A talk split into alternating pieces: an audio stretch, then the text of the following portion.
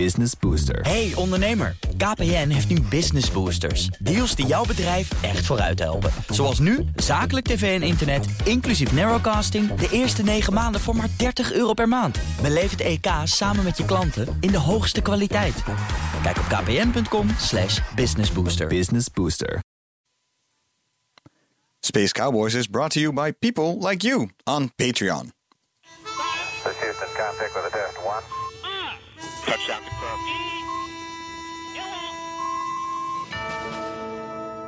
Welcome back to the fourth episode of Space Cowboys. Yeah, welcome Thijs. And welcome Herbert. Thijs Roos. Yes. Herbert Blankenstein, that's us. Yes, that's us. And we have here Anthony Brown from Leiden Observatory. Welcome.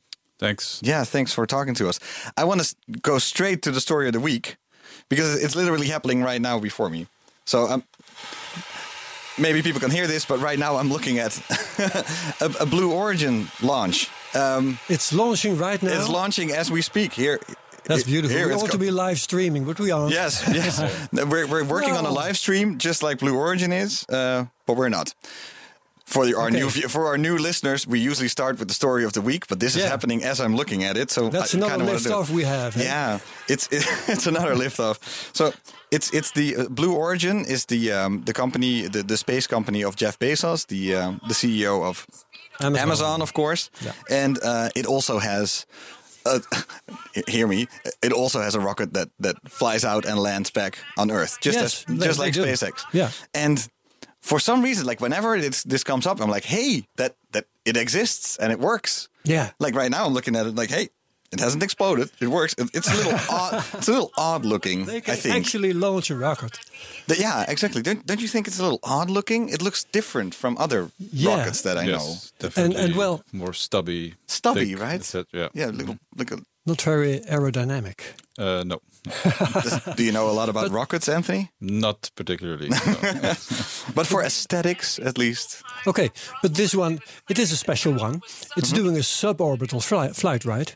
Uh, yes, th- this is. Uh, It's not it- going uh, going into No. into orbit. No, uh, it's it's suborbital, and it it is deploying something. that, Um, I would have to look into it. Actually, the fun. So that's one of the funny things. I I sort of like quickly try to see. Okay, so what's up with it? Where are we? What are they doing? Yeah. I- I land on a 404 not found page uh, for the news release. It's it's a little odd. I, I, it's We can put sh- something in the show notes. I, I have yeah, yeah. So if, if people are interested, go go look at what Blue Origin. But they have- they have a- they have about- cool stuff, but you never Yeah. really know what what what they're up to, right? There's well f- for this flight. There's a page, and it sums up about eight experiments that are on board. Okay, And I couldn't uh, reproduce reproduce this now, but uh, there, the the information is there. Yeah. and they have a couple of experiments for various various companies and uh, and institutions in the states. But in general, it, the shine on Blue Origin is less than SpaceX, right? Yeah, it's less right? Don't- spectacular. Don't you guys agree? Maybe they- they Yeah. do less PR or something. But of course, they do suborbital flights. They don't dock into the space station. They don't bring astronauts up. They don't do uh, supply missions. You know, so it's it's definitely a bit less sexy. Yeah, I are, guess. are they a little bit behind SpaceX? Then what do you I think? wouldn't know, but probably yes. But uh, Yeah. um, Or maybe- aiming for a different market, I guess, as well. Yeah, space tourism. Yeah. Right. Tourism, Okay. yeah, they said Th- that. that's what they do long term. Yeah, this year uh, supposedly the first people are gonna go up on a rocket like this. So on a New Shepard. I'll believe that when it takes place. Okay. yeah, exactly. I'll, we'll check back in Yeah. right, right around then. We do that. Um, Anthony, what's what's your story of the week? Yeah, so uh, I'm, it's a bit strange. I'm a professional astronomer, but uh, yesterday, no, two days ago in the morning, I saw my first full uh, lunar eclipse. Uh, Your Lovely. first, yes, your first Uh, lunar eclipse. indeed. Uh, of course, I've had uh, opportunities before, but I was always either asleep or uh, it was cloudy. So this was the first time it was. Uh, I was up in time to see it, and it was a very clear sky. So uh, yeah, it was spectacular, really beautiful. Beautiful, right? Yeah, Yeah. absolutely. Yeah. It's so such so weird looking that red moon Yeah. over over over the city. It's beautiful. Personally, um, I thought it was a bit overdone in in uh, the press. Oh, the wolf red. Yeah, the super Epic. blood wolf moon or something. yes, meaning just another lunar eclipse in January, and the moon is slightly slightly larger than normal. Yeah, yeah. I know one of my friends uh, disappointedly said uh, I'll be dead by the time of the next uh, lunar eclipse, and I said, "Well, this, that's because this is super blood wolf, but don't worry about it. there will be more in uh, in our lifetime." Yeah. Yeah, I mean, you got to amp it up. Again, make it sexier, I guess. No. Okay, maybe- As if a red moon is not sexy enough. I Maybe know. slightly more people have paid attention thanks Maybe. to the bullshit. Yeah, yeah, that's So true. that's all right. and Herbert, Well- what did you? I mean, by the way, uh, Anthony, amazing that you finally saw it. May, I, may you are, you've had decades of, of chance to, yeah, to because see a one. lunar eclipse is not very, very special, is it? Uh, no, it's not a rare uh, event. rare, but, right? Uh, yeah, but that's. It's that's just how what it goes. happened. Yeah, I mean, I have to also say that uh, I'm I'm not an astronomer who goes out regularly observing with a with a telescope. I don't have patience for that, and, and here it's too cold, uh, basically. So uh, Oh, especially right now. Maybe The viewers at home can see the snow outside. It's terrible. Well, well, well, well. It's barely freezing. Come on now. I have my thermo underwear on. I hate this. I don't. I have this sweat, this this sweater, and I'm Bold Dutchman. considering, considering taking it off because it's too hot It's a here little in hot the in here. Yeah. yeah. Herbert, what's your story of the week? Well, my story is that I'm going to add a bit to Anthony's story Mm-hmm. because I saw this uh, news item on space.com and it told me that during the eclipse there was a freaking meteorite impact on the moon What? and it was photographed. Yes. no way. I have it gotta here on my this. screen. I'm going to lift up Yeah. my laptop and um, you can see it. Uh, let me. Uh, well, okay, here with the arrow, yeah, and it's also in Wow. the the uh, larger picture somewhere around here. That's And crazy. Space.com mentions a video that's supposed to be there uh, on that page, but I can't find it Ah. on that page. And I'm wondering if that's something to do with my browser here. settings or something else. But um, there's uh, a photograph in any case. And And so many people were photographing it at that moment. I yeah. The chance Yeah. of catching an impact, of course, is very high during a lunar eclipse because everyone is photographing. yeah, exactly. I mean, Okay. these things do happen. Uh, they do, yeah. of course, and impacts have been caught before Yeah. on photograph. But See, It's, it's funny. You this can- you really can- makes it unique to me, at least. yeah, it suddenly is. It was a very unique super blood wolf moon. The wolf smacked, Very smashed into the. to say it all in one go. yeah, exactly. Yeah, yeah. The But wolf that's my story. exploded. I thought thi- this this makes it really interesting to me. It does. Yeah, and yeah. no, we'll I put mean, it in the show notes too. speaking, you will put it in, in, in the show notes. Yeah. So very, very cool. But that's not what we're, go- what we're going to talk about today. We're going to talk about Gaia, the mission by ESA. Uh, really great mission, already going on for five years. Uh, and we're going to talk to uh, Anthony Brown from Leiden Observatory. And uh, you are uh, not only a researcher there, but you're also um, the head of the consortium that handles all the data. Yep. And how big is this consortium? Uh, consists uh, at the moment of about uh, 420 members. Uh, and they just do the data processing. Uh, yes. So that's right. 420 people Yeah. are doing just the data processing of this one mission, which That's is huge. Uh, yeah, it's uh, it's probably one of the biggest uh, astronomical consortia for space missions uh, out there. Uh, but uh, in the future, missions like uh, Euclid, uh, Plato will have even larger consortia. That's uh, already the case. Also, uh, ground-based large surveys like the uh, Large Synoptic Survey Telescope, which is being constructed in Chile right now, they will image the whole southern sky every three days, more or less. The whole southern sky will be, a, yeah, a yeah. huge consortium, uh, both processing and analyzing uh, the data. So this is increasingly becoming normal in astronomy to work with these large groups because the instruments and uh, become more complex, more complex data, much more data is being gathered, and Yeah. you just need more people to Yeah. uh, to handle it. Yeah. First, about the Gaia mission, what it Yeah. tries to do, um, it basically tries to map the milk, uh, our galaxy, the Milky Way. That's right, yeah. It's it it's it.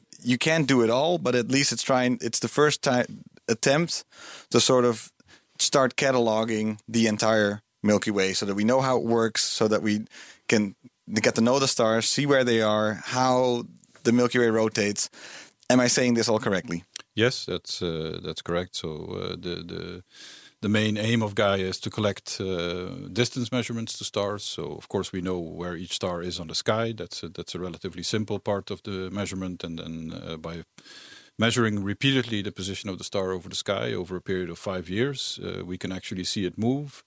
And the movement consists of two components. Uh, one is the fact that a star is actually moving through space, uh, so it's moving also with respect to us, and that means that it uh, makes a tiny displacement on the sky every year, which you can't see with the naked eye. It's too too small, but you can measure it with something like Gaia.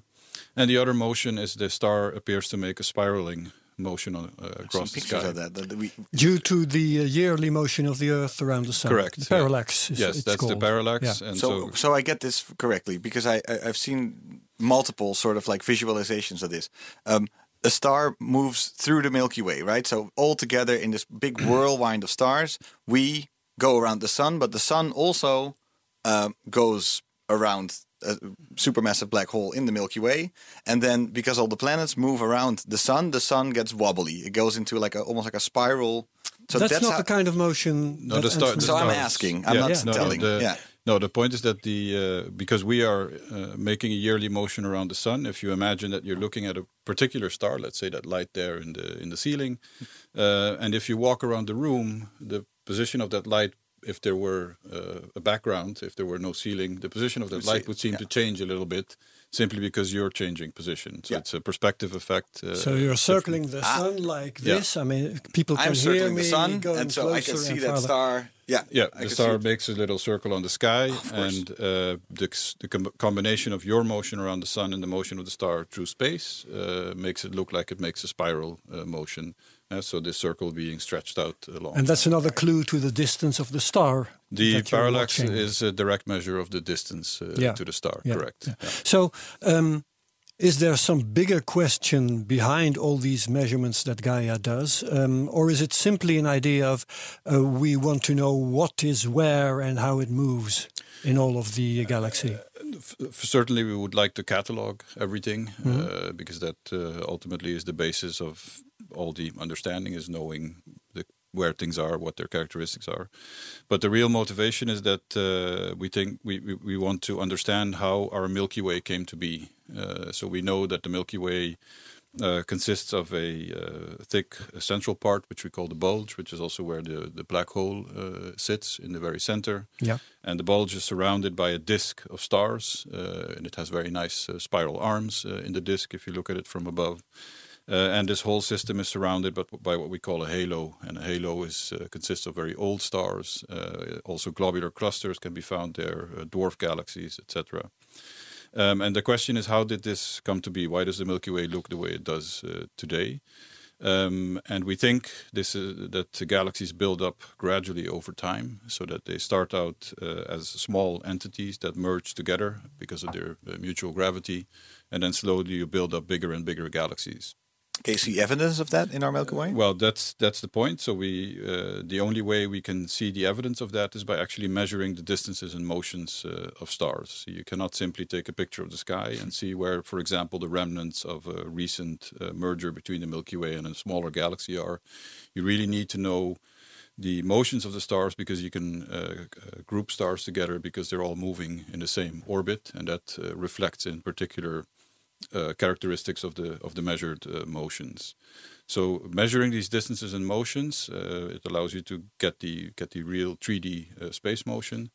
Um, uh, that allows you to group the stars in into um, different original building blocks of the Milky Way. And then the other thing that Gaia does is it also gathers um, uh, information on the stars themselves. So it measures their colors uh, with high accuracy, and it also measures uh, how how fast they're moving uh, towards us or away from us. That component of motion cannot be measured by looking at the positions of the stars. You have to do that separately uh, using the Doppler effect in the on on the spectrum of the of the stars. Um, uh, and and and the the measurement of the colors serves to characterize the stars. So you can then figure out uh, what is the temperature of the star, uh, what is its luminosity, um, uh, what is the uh, chemical composition, or at least a very rough indication of it. Okay. Um, and ultimately, this this kind of information, together with the distance, can be used to figure out how old stars are. And what we want to do is we want to build up the history of the Milky Way, And of course, we need to know how old things are. Otherwise, you cannot do any kind of archaeology. You need to know uh, how deep down Yeah. in uh, in the layers in Milky ground Way archaeology. That's Yeah, a, that's that's a that's a that's a niche. I remember a satellite that did more or less the same. It was called Hipparcos. Yes. Hipparcos, Yes. also by And- ESA. Yeah. Yeah, Okay. and it was um, somewhere the, around 1990. Is that right? Maybe It the was 80s. launched in '89. Uh, 89, yeah. right? Yeah, and, yeah. and this was the first attempt to map the Milky Way. that Yeah. was a, a great story because um, I was uh, I wasn't there when it was launched, uh, I, but I did visit uh, Kourou in Gu- uh, French Guiana when it was built up. And so I, I, I followed this project, and when Hipparcos was launched, it uh, got stuck in the wrong orbit. oh, and somehow they managed to uh, get all the uh, mission objectives done, and I, I believe even more. Yep. Can you tell us a bit ab- about that? Were, were you uh, in astronomy uh, at I all when, when just this uh, happened? I started studying Because I'm astronomy slightly in, older, I in '87. Uh, Yeah. So just before Hipparcos was uh, was launched, I do remember one of our uh, staff members running around very grumpily uh, after launch because of the wrong uh, orbit. yeah Um, and uh, so what happened is that uh, Hipparcos was supposed to go in a geostationary orbit. Yeah Um, And it got stuck in some elliptical one- orbit. Yeah, it was first put in an elliptical transfer orbit, and then the uh, rocket engine that was supposed to fire failed to fire, and so it got stuck in that orbit. Now, this was not in principle uh, a problem uh, for the, for the mission because all you need to know is the exact orbit, which you can calibrate from the mission data itself. Uh, but the fear was that because Hipparcos was going through the radiation belts every day, uh, every few hours, in fact, that it would be damaged so quickly that the mission would simply not uh, not run long enough. Now that in the end turned out not to be the case, um, and indeed they managed to do a factor of two better than what they promised originally in terms Wow. of the Yeah. precision that they uh, that they achieved.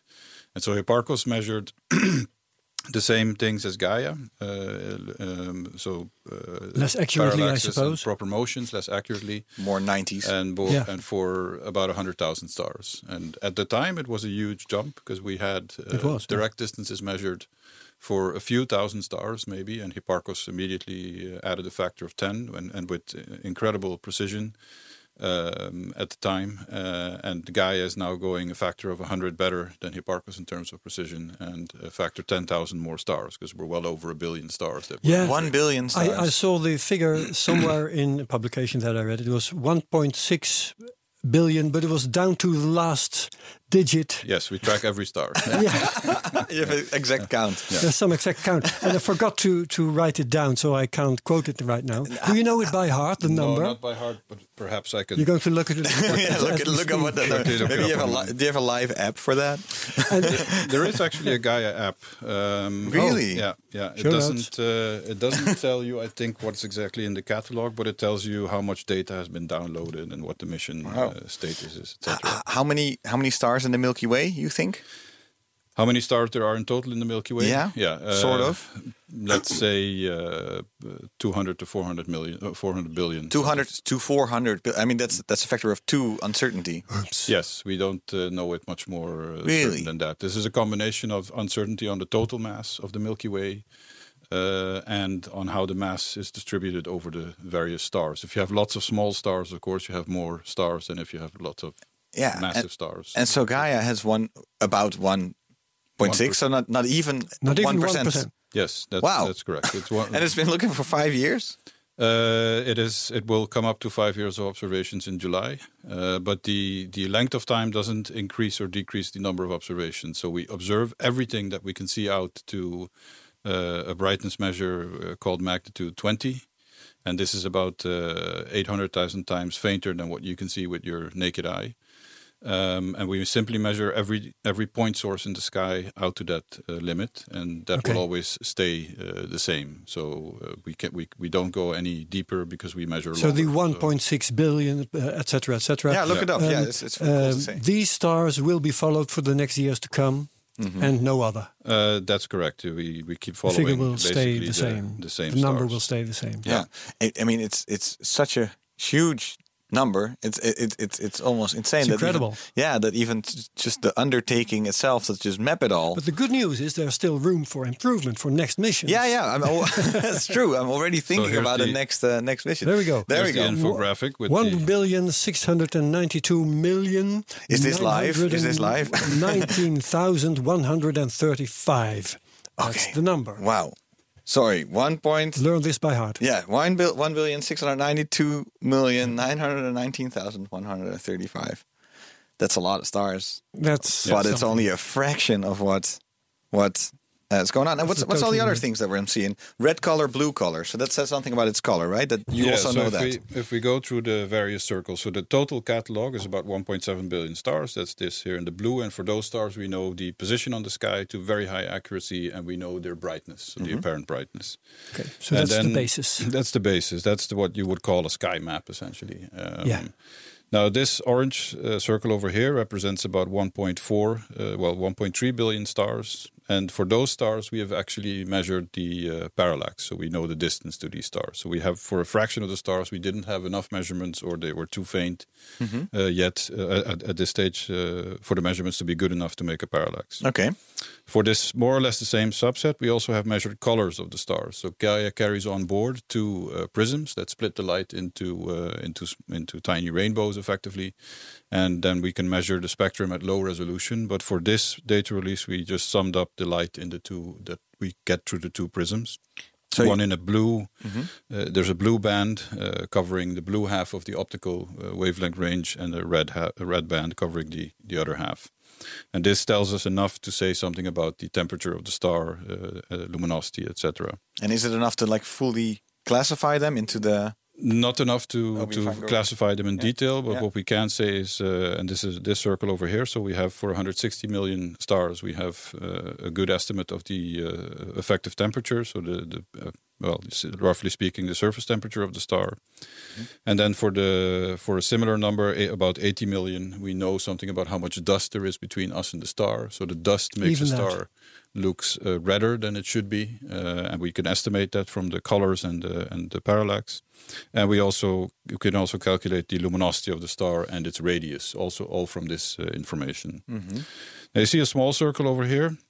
We're Uh, getting the to green lower one- I, and lower I can't even see it. The, the people at home can't can't can't see it. This is a, And this so we're going through like a whole list of what sort of stars you found, right? Of whatever No, this is this is the the data contents of the the catalog. data content. Yeah, just saying what what what's in the data. So uh, this circle here uh, represents the stars for which we have measured a radial velocity. So that means we can see that they're coming towards us or moving away from us. And this is done with a higher resolution spectrograph on board, uh, where you can actually see the individual absorption lines of the stars. And by looking at how they shift, you can measure how fast the star is moving in the in the line of sight. Because the proper motion that we measure, uh, that's this bigger circle, is only the motion across the sky. And we need to know the other component to get the 3D Yeah, motion. yeah, yeah. Um, and this is for 7 million stars, so that's a very small fraction of the total catalog. And one reason, the main reason is that the spectrograph can only go to uh, a much brighter limit than the, than the rest of the mission. And for this particular release, we focused on the very brightest stars, out to magnitude 12. Uh, but it's still 7 million radial velocity, so it's the most radial velocities ever collected by a single instrument. And this only represents the first two, less than the first two years of data. So that's already a very impressive uh, feat. Yeah. And this is one of the data sets in combination, of course, with the parallax and the proper motion that is most used at the moment to uh, analyze the Gaia data. Yeah. Now, here we see a very small circle that represents about 550,000 stars. Uh, what Gaia does is it measures the stars repeatedly over the course of five years. So each star, on average, gets measured about 70 times, and that means that we also in those five years, in 70 those five years, yeah. yeah. And so that means that we also know uh, whether the star is varying in brightness because we constantly can compare uh, the brightness at one moment to, to another. And uh, almost uh, every star is actually varying in brightness, but most of them at a very low level.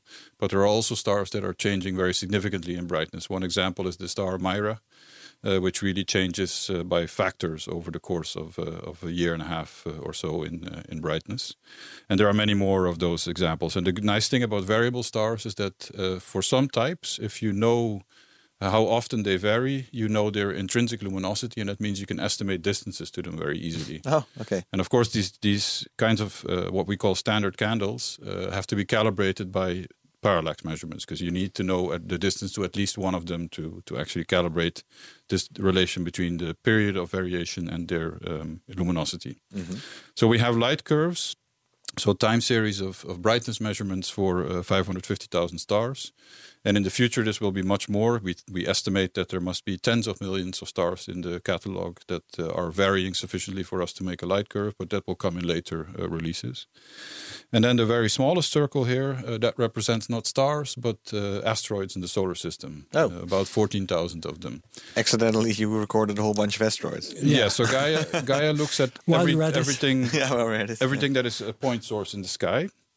So that means also quasars, for example, or cores of uh, very far away galaxies, but also asteroids in the solar system. Um, and the good thing here is that the uh, astrometry of the asteroids, so the position measurements at every uh, point in time, are the most accurate ever done for uh, for asteroids. So we get extremely accurate orbits uh, for these uh, for these objects. And in fact, for these objects that have been measured uh, for only uh, two years, uh, for some of them, the orbit, uh, just on the base of those two years, is of better quality than the measurements from the past hundred years uh, combined. So these are known asteroids; they've been measured before, and uh, and Gaia will certainly also discover new ones. And in the end, we will probably have a catalog of around 350,000 asteroids. And the beauty there is not only uh, extremely accurate orbit determination, but we also get all the colors because we measure uh, also Ah. the colors for the asteroids, just like we do for the stars. And it means you can also classify asteroids into different types. So depending on the composition, the, the, the way they reflect the solar light is a bit different. And It's, does a, this it's, a, have si- any? it's a side mission. It sounds like a side mission. Yeah. Does this have any relevance to uh, uh, possible collisions with Earth, for instance? Yes, so uh, Gaia can uh, uh, see in directions uh, at any one time where where we cannot look from Earth. We can only look towards the night side, of course, to monitor for near Earth objects. And Gaia can look at uh, right angles away from that in both directions. Oh, yeah. and a bit closer to the sun, so it can catch uh, near Earth objects at uh, moments in their orbit where we wouldn't see them from the from the Earth, but you can see them from Gaia. Uh, so uh, what we have in place also at the moment is a is a system that goes through the observations every day, and if we think we found a new asteroid, and we every now and then find one, um, it it may be that this particular asteroid has an orbit which is oriented such that Gaia will just never see it again due to the way we uh, monitor the sky, and so it's very important to immediately follow up uh, the observations on this asteroid. And so what we do is we send out an alert to the community: Hey, we think we found a new asteroid, and we can predict for every telescope on Earth exactly where the asteroid will be over the next days and weeks, and so that uh, observers can go out and try to Oh, catch cool. it, and then you get a better uh, orbit determination. Very cool. And And, we- and, and just for my understanding about about Ga- about Gaia and what it, what it does, what it can see, is it is it basically just our little the little circle around uh, where we are that we can see, or is there something that that you can look deeper into the Milky Way for some reason because stars are more luminous or or, or something else? Is it is it just our little corner of the galaxy that you can see, or is there more? Uh, yeah, there is uh, there is more. Let me see if I can Mm-hmm. pull up an image. We have to put a lot in the show notes today. We Yeah. do. I'm not sure. Are you keeping track, Herbert? Not very much. The Gaia app I have. Uh, The Gaia written app, yeah, yeah. There's It's probably all in, in, in the. Gaia app. And this chart that Anthony has, he, well, I suppose he's going to give us the URL. Yeah, I Yeah, yeah, or exactly. send you the images or uh, yeah. Yeah. because uh, sometimes I, I've seen this this picture of um, the Milky Way. Um, how far our radio signals have traveled since the invention of, of radio? Okay. and it's like this super super tiny circle around where we are Yeah, in the we Milky haven't come Way. very far. We haven't come very far, and I'm I'm just wondering if um if you if you look out at the Milky Way at night, um. You're you're you're look well here in the northern hemisphere. We can't look into the Milky Way. We're looking out of the Milky Way, sort of, right? Yeah. Um, if if that is what you uh, what you're measuring too. All right, so Okay, here's a nice picture. I'm just Yeah. describing it what I'm seeing. I'm seeing the Milky Way from sort of view. a, a you top see view. spiral arms. Yeah, Yeah. it's- so it's fake because we've never seen the top view of we, the Milky we Way, don't of get course. there for the time being no. And then I see this one point that's very bright over here. Yeah. and then it goes and then it, it sort of gradients out into less. Yeah, so the so the background image is an artist impression of the Milky Way. We think it might look like this, but we're not sure. I mean, this is something we want to find out actually with Gaia. Um, and what you see is uh, the middle part is a bit reddish. Uh, if you look at the background image, that's what I called the bulge earlier, which is also where the center of the Milky Way is with the supermassive black hole. Yeah.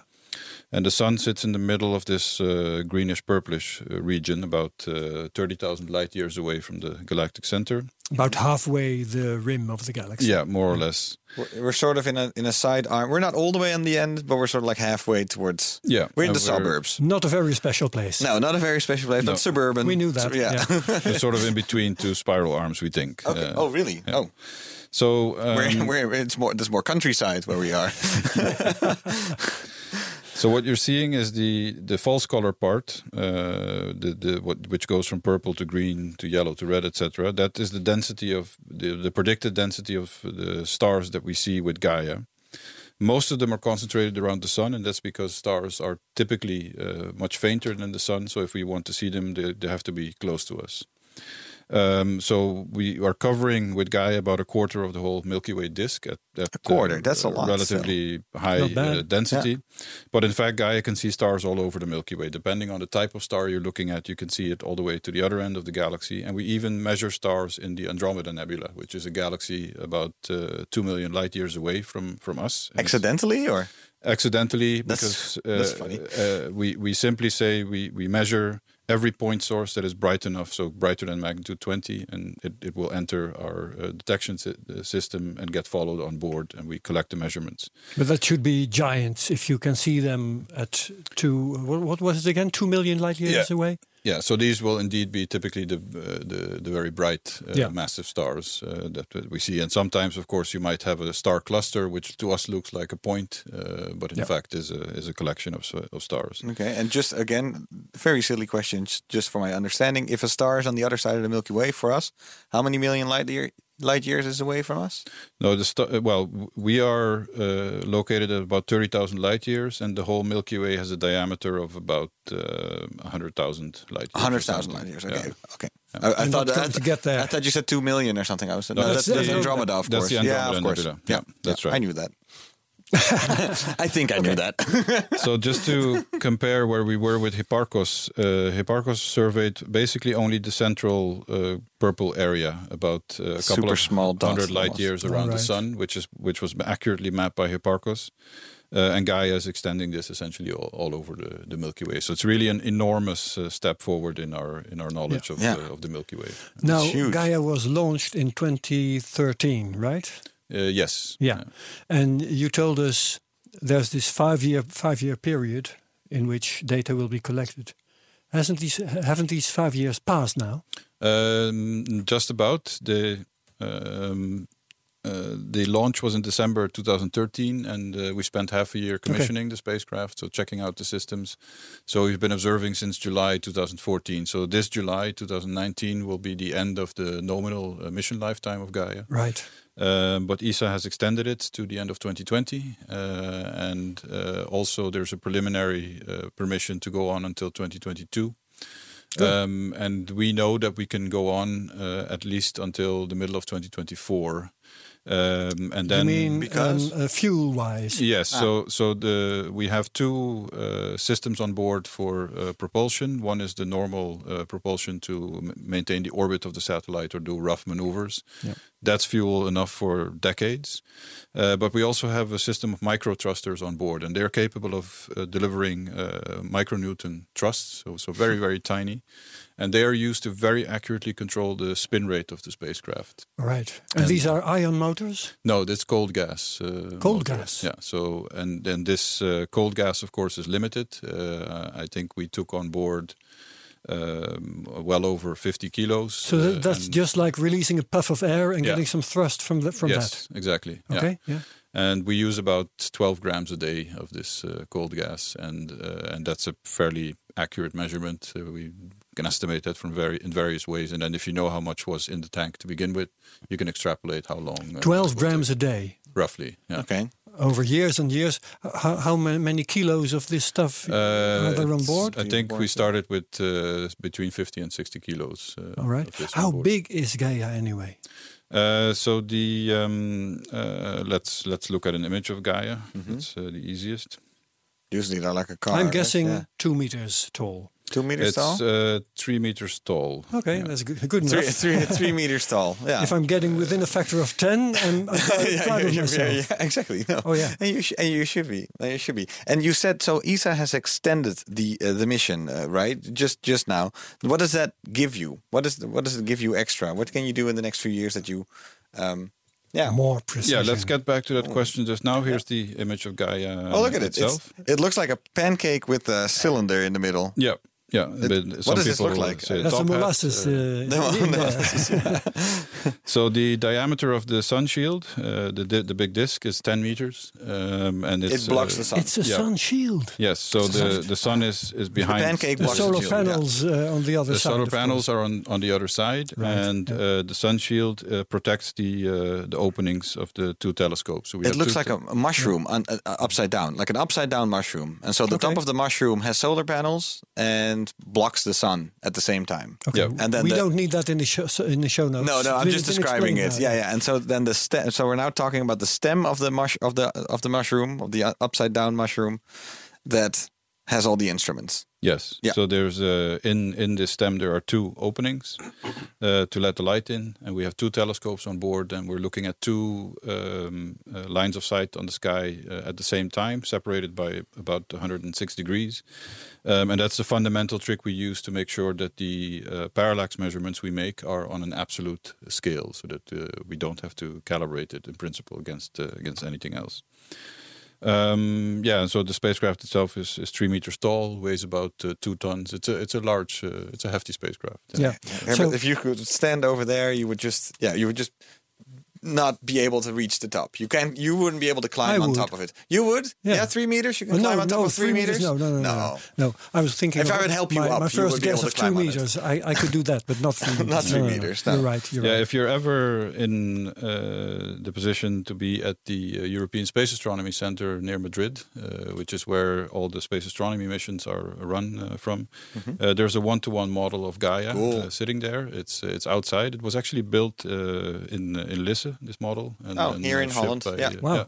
Beautiful in, in spring with the tulips. Yeah. Yeah, that's where all the tourists go when when when it's spring, right, Lisa? Sure. And but they also build spacecraft models. Apparently, After, so they d- uh, grow tulips and build sca- spacecraft. Crazy. I didn't know that. models. I didn't know that either. Hey, but um, launch in 2013, uh, some uh, preliminary work before it really got to work, Yeah. the, the satellite.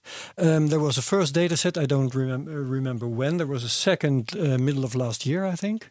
Yeah, so the first uh, release was in September 2016, and uh, Right. then last year on April 25 was the second release. And the next will be in the middle of this year, uh, July. no, no, in 2021. Uh, 2021. yeah, yeah. So, okay. And then you have to get to work with all that data. Uh, then uh, the the astronomical community gets to work with all the published uh, data and do the science. So the only thing we deliver is the is, is we turn the raw telemetry of the spacecraft into uh, data that the astronomers can actually interpret.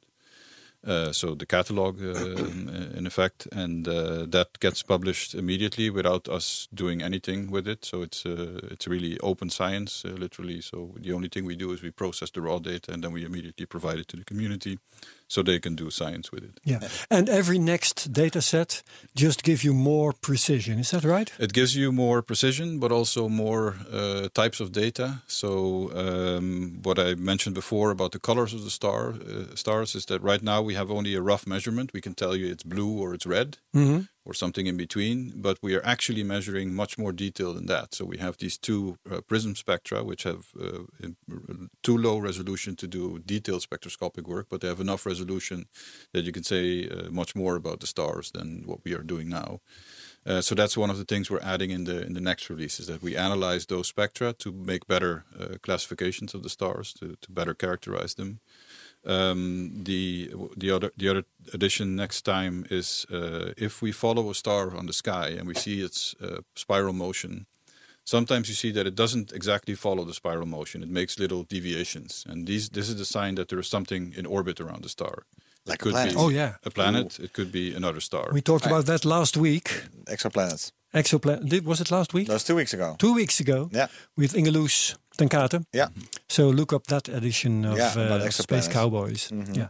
But this, this um, Gaia satellite does work that's relevant to exoplanets as well. Yes. So the uh, both from the astrometric measurements, so the position measurements of stars in the sky, what I just described, and from the uh, radial velocity measurements that we do, we can uh, find uh, uh, double stars. Uh, and if the thing that is in orbit around the star is small enough, it will be a planet. the planets will mostly come from the astrometric measurements because they're they're the only ones precise enough. Um, and we think that we'll, based on the five years data, we will find maybe 20,000 star, uh, sorry, yeah, stars with planets around them, uh, down to um, Jupiter mass. So we can only find big planets, not the Mm-hmm. very small ones. Yeah. And, Otherwise, it doesn't wobble enough. and one of the advantages of extending the mission to 10 years is that we will probably increase then the number of planets to 70,000. That's the current estimate that we uh, that we have. Um, and uh, to come back to this, to this, the reasons for this extension. Um, of course, if you double the lifetime, you collect twice as many photons. Uh, so that means that everything uh, is 40% more precise. Now, that by itself would not be the uh, enough motivation to, to double the lifetime. But if you double the lifetime, you also measure the motions of stars much more accurately because the longer you measure, uh, the better you have a handle on the actual uh, velocity of the star across the sky. So there you gain a factor of almost three in the, in the, the proper motions of the stars. So that's very interesting because it's often uh, stars that are very far away in, for example, dwarf galaxies or, or streams of stars that are remnants of dwarf galaxies that we are interested in. And then the proper motion precision is, uh, is, is, is crucial. Uh, and if you're interested in things like double stars or planets, then you can gain factors of up to 20 by in precision by, by doubling uh, the lifetime. And is the idea to follow up on on all the data that you have now? Is is the idea to then look at more, let's say, broad uh, implications of these things, or will we maybe uh, so so this is how the Milky Way uh, moves, or this is what dark matter does, or is it more trying to find peculiar things so that we can zoom in at one star to figure out maybe to, to like what will you use this data for from like the bigger questions or can we use them individually almost as well It is used for both. So uh, Gaia, in fact, has impact on every area of astronomy. Uh, that's that's the beauty of the mission. When I uh, go around now uh, to present uh, Gaia to colleagues and give them an overview of uh, of all the science that is being done with the mission, I constantly jump from one topic to another, from one slide to the next, because there's so many things you can uh, you can do with Gaia. So yes, we can look at the bigger picture. Uh, the goal being understanding the Milky Way. One of one aspect of that is the distribution of dark matter, which we can figure out by looking at the motions uh, of the stars. Uh, but there are also people who are interested in very specific uh, topics. So there was a very nice paper in Nature uh, a couple of weeks ago by a group from uh, the University in Warwick in England. They used Gaia data to show that for the first time now we can actually see that um, in what we call white dwarfs, these are remnants of stars like the sun, and they're they're very small. They're about the size of the Earth, but they're as massive as the sun. So they're extremely dense uh, stars. Um, and they don't produce any um, energy anymore in the sense that they don't burn um, hydrogen or helium or etc. in their interior. So that uh, the only thing they do is they cool down over the course of time. On their way to becoming neutron stars. No, they won't become neutron stars. Okay. They will just cool down. And, Never mind. and, silly you and, and sit there. And, and Yeah. so, but the white dwarf But- is just for my understanding now that we're at it. Uh, so it has burned up all its hydro- hydrogen. Yeah. Th- that has that has become. Uh, It's basically a very dense star consisting only of carbon and oxygen. carbon uh, and oxygen. Okay, that's all. That's and it's not burning that anymore, but it is still uh, there's still a lot of heat in there, and so it's slowly cooling down so it's light, and it's a light that slowly dies out. and it slowly dies out. But in the process of that cooling down, the interior will at some point actually crystallize, oh yeah, and this means that you will get uh, a diamond. temporar- temporarily uh, the uh, the cooling down stops, and this creates a particular feature in the observations that Gaia does. Ah, yeah. And this was exploited by them to show that now, for the first time, this was predicted 50 years ago that white dwarfs would crystallize, and this is the first time you can really clearly see it in the distribution of luminosity versus color of these, uh, Wow. these stars. Is is this the diamond stars that are that is, you is that could, what? yes, you could I call it a diamond? Call it a diamond. Can I yeah. please call it a diamond star? Go there ahead. are diamonds, Well, huge diamonds the size of small stars. Super bl- blood wolf moon. Well, so I get to talk about my you get diamonds in space. diamond star. Oh, I, but I Feel love the idea that there's there's massive, massive, massive diamonds just floating out. I through have this question: um, When you collect data on uh, the location and the movement of stars, um, I think in principle you might be able to uh, wind back the tape and find out which stars have co- co- collided in the past with other stars. Is it an application of this data set? Yes, uh, so uh, we can do it both in the past and in the future. Uh, so one uh, popular application is to look for stars that are going to pass very close to the sun. Uh, Yeah. And we know of one particular star. It's called uh, GJ710. It's not a particularly romantic name. No. Um, and that star uh, comes uh, will come to within about 20,000 astronomical units uh, from the sun, uh, about one and a half million years from now, is the prediction. And that's how many Pluto orbits? And well, for Pluto instance? is at 40 uh, astronomical units. Um, Okay, But a so better it's- comparison is the Oort cloud of comets, which sits at 50,000 astronomical units. So it will actually go through the Oort cloud. Okay. And, And this is a star we're talking about. yes, a star. Yeah, how bright will that be on our night sky? It will just about be the brightest star. Uh, not quite. What? So won't be but very it's but it's impressive. a It's a- star it's a almost like coming to visit us. Yes, but it's a very small star. I want I want a double. I want a no night. anyway, I just want to be able to read books by at night.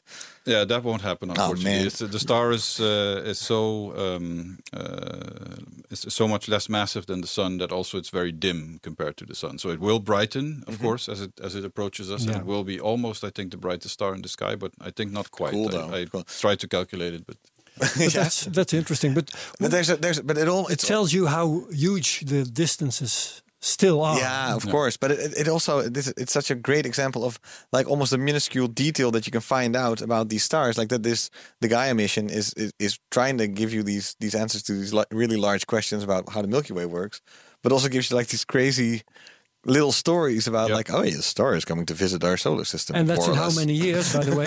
uh, about one and a half million years. uh, Okay, so yeah well, it'll take We a while time. it'll take We a while yes here's another question. Um, where's my 3D model of the Milky Way? Um, uh, that's being uh, worked on. This Oh, is yeah? something that is not Oh, uh, n- actually not so straightforward to uh, to figure out from the Gaia data. Um, although we have parallax measurements, um, the fact that they have errors on them uh, make the um, uh, statistical interpretation of these measurements uh, more difficult. So, formally speaking, you can say that the distance to a star is simply one divided by the parallax. Uh, and that works fine if you have uh, small errors, but if the errors become a bit larger, which they are for most of the stars, Yeah. uh, then uh, you have to be careful of making this inversion and the statistical interpretation of exactly how far away the star is becomes more complex. And so, uh, for example, uh, measuring where the spiral arms are in the Milky Way is in principle possible with Gaia, at least for the ones in the neighborhood of the Sun. Um, turns out to be uh, quite uh, quite difficult. Still, you need to select uh, primarily uh, blue stars that are located in these spiral arms, but then you need to be able to correct for the effect of dust, which we can only roughly do with Gaia, and it's not not very good yet. These stars tend to be typically far away, and that makes inferring the accurate distances a bit harder. So so getting a very crisp, uh, clear picture of the spiral arms is still going to take uh, take some time. But somebody's working on that. But there is work being done uh, on this, yeah. Hey, and what's what's Gaia Sky then? I see Gaia Sky 1.0. yeah, that so- software. That software can indeed be used to uh, actually make uh, 3D movies of uh, of the space around us, of where this, because we know where all the stars are. That's what I Awesome. mean. Yeah. There we go. Yeah. Um, and- Gaia but this is, of course, not a, a- a scientific uh, model, and it works well for things near to us, where where the distances are are uh, But very this could be a huge tool in the popularization of science, Yes, so of we have astronomy. we have used it in fact for uh, so it's it's a it's a tool that was developed uh, as part of the work of this uh, data Yeah. processing consortium. and you could even incorporate it in, for into a computer game, for instance. Uh, yes, I mean Like this. I think this thing can export uh, everything in, in VR format or Yeah, uh, it has a it has a 3D function as well and a virtual reality uh, Beautiful. Function. Whoa! So you can stand inside the Cosmic Milky Way Grand Theft Auto. and Cosmic Grand Theft Auto. Exactly.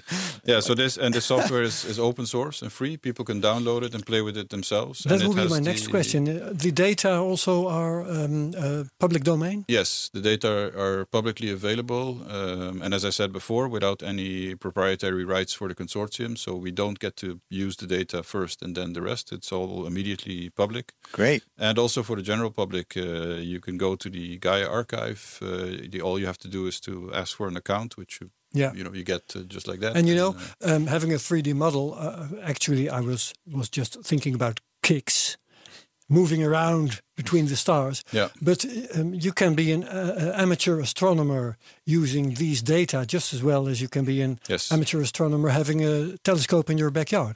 That's right. Yeah, and you can you can do your own uh, analysis. So one- actually, one of the people uh, doing a lot of effort on trying to map the Milky Way out to large distances uh, is uh, an, an amateur uh, astronomer. He's a mathematician of origin. He and he runs the site galaxymap.org. Um, and that's where you can find lots of material on the mapping the Milky Way. Galaxymap.org. We'll Yeah, write th- it. th- I'm trying to find the name of the one of the. I have I have a uh, an app um, or uh, the, the- the software at home on my computer at home. It's not on my laptop. That, that where you can play around with with just anywhere in the solar system. You can create solar systems. You can destroy them and and etc. Um, but I, I believe that when it comes to the Milky Way, they never have an accurate. Uh, depiction of it because they, they don't know so it's it's very cool like maybe you can Yeah. send your data over to them that they that they uh, I'll look up the name as well Sure. uh, of this that, that that maybe you can yeah like you said gamify this whole thing that'd be great That's right. yeah yeah um, how much data are we talking about actually because you're sending this is all open but uh, is this is this like a terabytes or what are we talking Yeah, about Yeah, if you were to download the full uh, Gaia DR2, uh, so the second data release catalog, it would be about 550 gigabytes compressed. okay So once uncompressed, it's about a terabyte. So not prohibitive. fits on an external hard drive No, not bad. yeah but if But- you would if as a I was database expecting more. The problem Yeah. is, of course, to efficiently access the data. Um, it's not so much in terms of volume, but then when you say, okay, I, I want to have that specific star or that group of stars, then it needs to be in a database, and that's where a lot of effort has to go Yeah. uh, into to make it uh, efficient and usable. And and maybe a bit of a technical question, but um, in what kind of format are these data? Can a regular person uh, Yeah, so the use it at all? So the files that you can download are available in um, comma separated format. So the what you Oh, would yeah. use for Excel, but I, I wouldn't attempt to load it into Excel. Overload. Um, but what you typically do is you go to the Gaia archive, and that uh, there's a database in which all the data sits, and you can basically make a, a SQL query. Uh, and then say I want stars of a specific kind, or between certain limits in distance or certain limit in brightness. You can make all kinds of selections. Uh, the data will be stored on your local storage space at the at the archive, and then you can download that da- data, and that can be done in various formats. And, and because that's often a much much smaller subset, uh, then you could, in principle, load it into Excel if you wanted to work with that as an analysis tool. Uh, typically, what uh, astronomers would use is uh, so-called virtual op- virtual observatory table format, uh, which allows us to interchange also with all kinds of other uh, surveys uh, spread around That's the, the web. Yeah. Um, and FITS is another popular, uh, very astronomy-specific format. It's very efficient, etc. But there's various formats that you can use to download the data.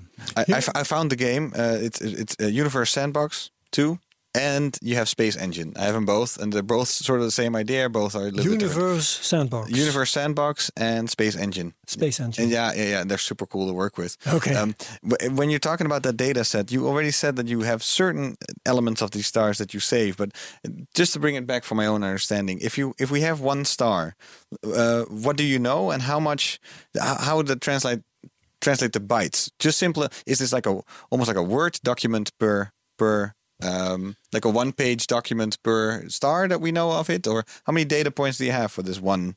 Well, in the in the Star. current in the current catalog, we have the position of the star, so that's two uh, it's two coordinates uh, where it is in the sky. We have the brightness of the star, we have the parallax, we have the two components of proper motion, so how it's moving across uh, the sky. We measure that in two uh, directions.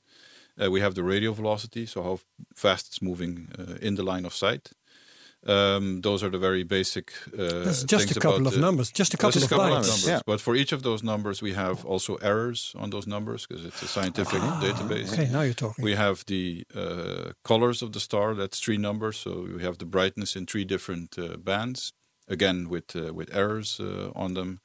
Uh, we have estimates for the effective temperature, uh, for the for the amount of extinction in the line of sight, for the way the star's color was changed by the dust uh, between us and the and the star, uh, and also radius, luminosity, and all these numbers come with error estimates uh, on top of them.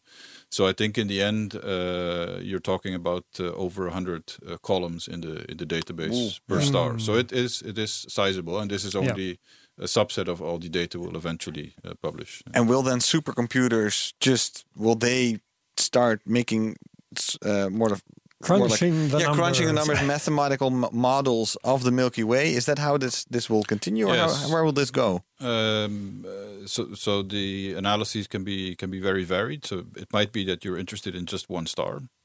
So, for example, lots of people working on exoplanets uh, are making use of Gaia data because it's important to know the distance to the star, because then you have a better estimate of the size of the star, and that gives you a better estimate of the size of the planet. If you're looking at planets that go in front of the star and dim the light a bit, so the transiting planets, you need to know really need to know the, the distance. So that's very simple. You just look it up and, and you use it in your research. On the other end of the uh, scale, of course, are people who say, well, I, I actually want to analyze the uh, collective of stars. So uh, let's say all the stars for which we have the full motion. So these, these are the 7 million stars that have a radial velocity measured. Um, and these can, in principle, be modeled all together, where you indeed build a model of the Milky Way. And with that model, you can predict the statistics of the motions of the stars. You cannot predict each and every individual star how it moves, but you can say that on average, stars move uh, with about 200 kilometers per second uh, around the Milky Way, and then the spread in the velocities has a certain value. And you can also predict uh, the, the spread in different directions with respect to the Milky Way itself. And all of that, of course, has to fit with the with the data. So if it doesn't fit with the data, you might want to change something in your model. Um, and if your model is good enough, you just fix the parameters according to the data. You're done. And sometimes you learn that the whole model is just not is just not Yeah. working, and you need to go to something more complex, etc. Uh, and that requires a lot of computational power, depending on how you analyze the data. Um, I have a question about precision. Mm-hmm. Um, I read somewhere the precision precision uh, of the Gaia measurements is like distinguishing a euro coin on the moon Mhm. from the surface of the Earth. Yes. And someplace else I read using Gaia you could even watch a hair grow on the moon. That's slightly more precise even. Even so than a which euro of coin those is correct? I think the watching the hair grow is from. Uh, um, I, I cannot do it off the top of my head, but that must be from a much closer distance. Okay, close range. From the Earth to But the euro coin on the moon is correct. So, so w- the way we measure the precision of Gaia is by talking about the um, angles that it can measure uh, on the sky. So, Yeah. because the only thing you do is look at the direction to a star, and directions are always specified in angles. So, how far is it above the horizon? How far is it east or west? Um, and we do it in a slightly different way, but you measure those angles. And Gaia can measure angles. Uh, the most precise uh, angles it can measure is 10 micro arc seconds. Uh, now, an arc second Micro arc second. uh, is if you divide a degree by 60, you have 60 arc minutes, and each arc minute is divided in 60 into 60 arc seconds. and seconds. one degree is about the diameter of the moon as we The moon is it, half right? a degree. Half a degree. Half a degree. Okay, yeah. So yeah. the moon is uh, about 1800 arc seconds, and Gaia measures 10 micro arc seconds. Um, and, and so, so that's uh, and micro is a millionth. a of- millionth of an, of what an you're arc talking second. about, And yeah. so that that indeed translates if you take a euro coin, uh, which is about two centimeters in diameter. it's like an American quarter, a little, yeah, and little you smaller. put it on the moon, Yeah. and you could see the moon. You could actually see it from Earth uh, lying on the moon. Then you would have eyes that would be capable of measuring angles of Yeah. 10 micro arc Yeah. seconds. Yeah. So um, you told us um, Gaia has also charted some um, asteroids. Mhm. You ought to be able to um, um, dis- distinguish uh, lots of details on the surface of those asteroids, but Gaia doesn't do that, does Uh, it? no, no, No. no. So the, the, the telescopes of Gaia are about one and a half meter diameter. Mhm. So uh, they are sl- smaller actually than the mirror that the Hubble Space Telescope uh, carries. Um, and uh, we cannot uh, see surface details because the only thing uh, we we see is a is a point source. uh, Okay, so basically. Gaia just says, uh, I see a light source there, and I'm going to Yeah. watch it for a while and see how it behaves. Yes. That's all it does. And I, I, I know we're nearing the end of our show, but I still got an important question. I, I think yesterday we were on the phone quickly to say hello for this show, and I think you told me something about um, the fact that you can already, the, the, like, what the results already have, like, what new insights do we have through Gaia? I think you said something that you can see that um, we swallowed up certain certain parts. That sometimes there's like clusters in these in these side arms that that that then Of the show- galaxy. yeah, of, of of the galaxy that where, where you can see that we maybe that over there there's like a blob that that supposedly it's not supposed to be there because it was added somewhat later to yeah, to the so, Milky Way. Um, uh, let's let's go. Let me see. I think I can find that. Uh, It- it- I, I- I compared it with to try to understand, and Anthony, correct me if I'm wrong, that almost as if you have a whirl, whirlpool of, of, of water and it's just clear, Yeah. and somebody uh, drops in some paint, and you can sort of see that there's like a, a, a separate entity. Yeah, and the in- paint becomes a spiral itself. and it becomes a spiral itself, or at Yeah. least a blob, or something that's Yeah. that's inside there. Is that is that comparison slightly? Is that a good metaphor Let me for try what you- what's to show what I explain. I don't have internet here, so I can't look up that particular. Oh, yeah. uh, Here comes another animation, graph. But I'll just. Uh, we can work on the show notes in the uh, in the, in the, in the meantime. You do Universe Sandbox, uh, the, the upside down mushroom, a picture of Gaia. yeah. I got the Gaia app, um, Gaia Sky 2.0, galaxymap.org. Okay. okay. okay, so here's uh, here's what I was talking about yesterday. Mm-hmm. Um, if you look very far out in the halo of the Milky Way, uh, with the aid of Gaia data, you can isolate these so-called streams of stars. So you see a very long, thin uh, distribution of stars here. Thousands of stars. Uh, and these stars are essentially all moving on the same uh, orbit, so they're all moving in the same direction. And what this is, this used to be a small galaxy, and uh, it fell into the Milky Way, and it uh, went in orbit around the uh, center of the Milky Way, but far out.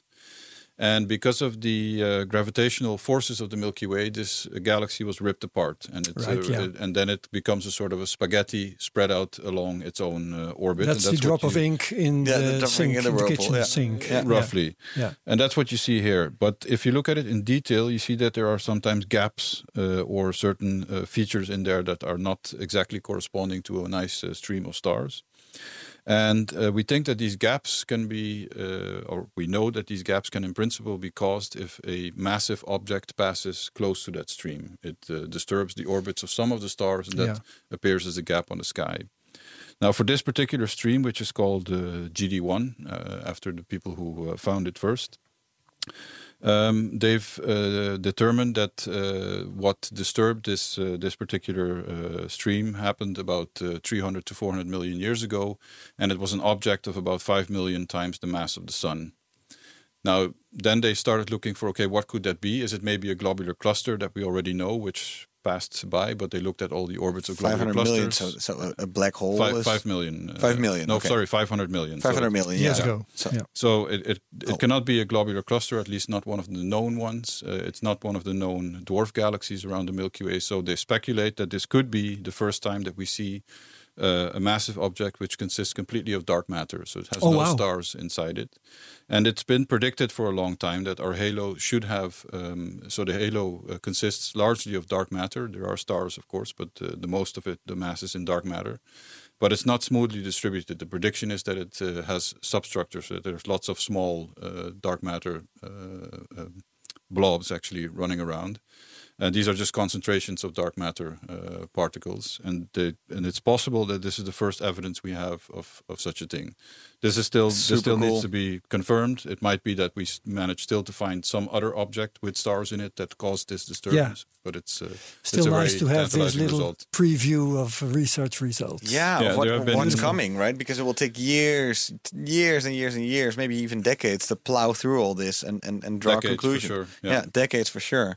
It's fascinating Lovely. mission, Anthony. It's it's it's amazing. It's so cool that, that we sort of started to to map the Milky Way. What will be the next? What will be the the one that uh, ups it again with a thou- factor thousand? That's hard. that's that's really hard. Uh, we have been uh, thinking about this, but if, if you really want to go uh, let's say uh, a nanoarc second uh, precision, so uh, another Nano, factor not of micro, uh, but nano, yeah. uh, or or even if you want to go 10 nano arc seconds precise. Um, if you want to use the same principle, you would have to scale up the satellite to having a configuration of different satellites because it has to be Ah, uh, yes. the, the the size of the mirror effectively has to be much larger Artificially big satellite. and you can do it, you do that with interferometry. Uh, so that's extremely expensive and very hard to, to do right. So it's not clear this can be done. Sounds like a good challenge. And another aspect is that uh, if you the, for the measurements that we do with Gaia, we have to worry about the fact that the sun uh, bends the light of stars that comes from uh, from, from Ah, outer space. you have to take that into account. And we have to take it into account all over the sky, not only for stars near the limb of the sun. And in fact, we have to take into account the light bending by Jupiter, Saturn, all the major planets. That's uh, and incredible. sometimes even if an asteroid is close enough to a star and it's massive, you, you have to correct for this. That's crazy. Now, if you go down to nanoarc seconds, this becomes a much larger problem because then Yeah. you really have to worry about knowing exactly where all the um, uh, bodies in the solar system are to make these corrections to sufficient accuracy that you're not constantly the the the position measurement of the star is not constantly being blurred, as it were, by by light bending effects. So there are also some fundamental, and it's a couple of other fundamental problems that we would have to tackle before you could get uh, to those accuracies. Yeah, well, f- let's first start crunching that Gaia data then. That's right. Yes. Thank you so much, Anthony, for being Has here. It was great. really Pleasure. wonderful. Really great to finally to do. A sh- to, I mean, it's a privilege to do a full show on this because Gaia. Absolutely. it- it's it's a it's one it's one of the greatest missions there is. I think so. Thank you very much, Anthony. and we wish you lots of success Yes. Thank you. working on this. And thank you to our listeners as well. Uh, you can go to patreon.com slash space cowboys to that. support this show. Herbert Blankenstein, thank you so much. Thijs Roes, Yes. thank you too. And thanks to everybody who's helping out and all the listeners. Uh, soon we're going to be, uh, so you can follow us on uh, YouTube uh, and, and Spotify Twitter. and, every, and Twitter. Space at Space Cowboys Pod on Twitter. Exactly. And uh, we're working on uh, getting a live stream uh, fixed. Who knows? Maybe in the future, in the next few episodes, we'll announce a live stream on YouTube coming up. Working on it. Working on it. Thank you, Thijs. Thank you, Herbert. Everybody, see you next Space Cowboys podcast. Bye bye. Bye.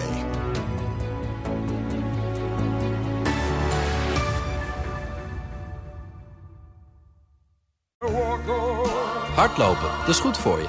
En Nationale Nederlanden helpt je daar graag bij. Bijvoorbeeld met onze digitale NN Running Coach... die antwoord geeft op al je hardloopvragen. Dus, kom ook in beweging. Onze support heb je. Kijk op nn.nl slash hardlopen.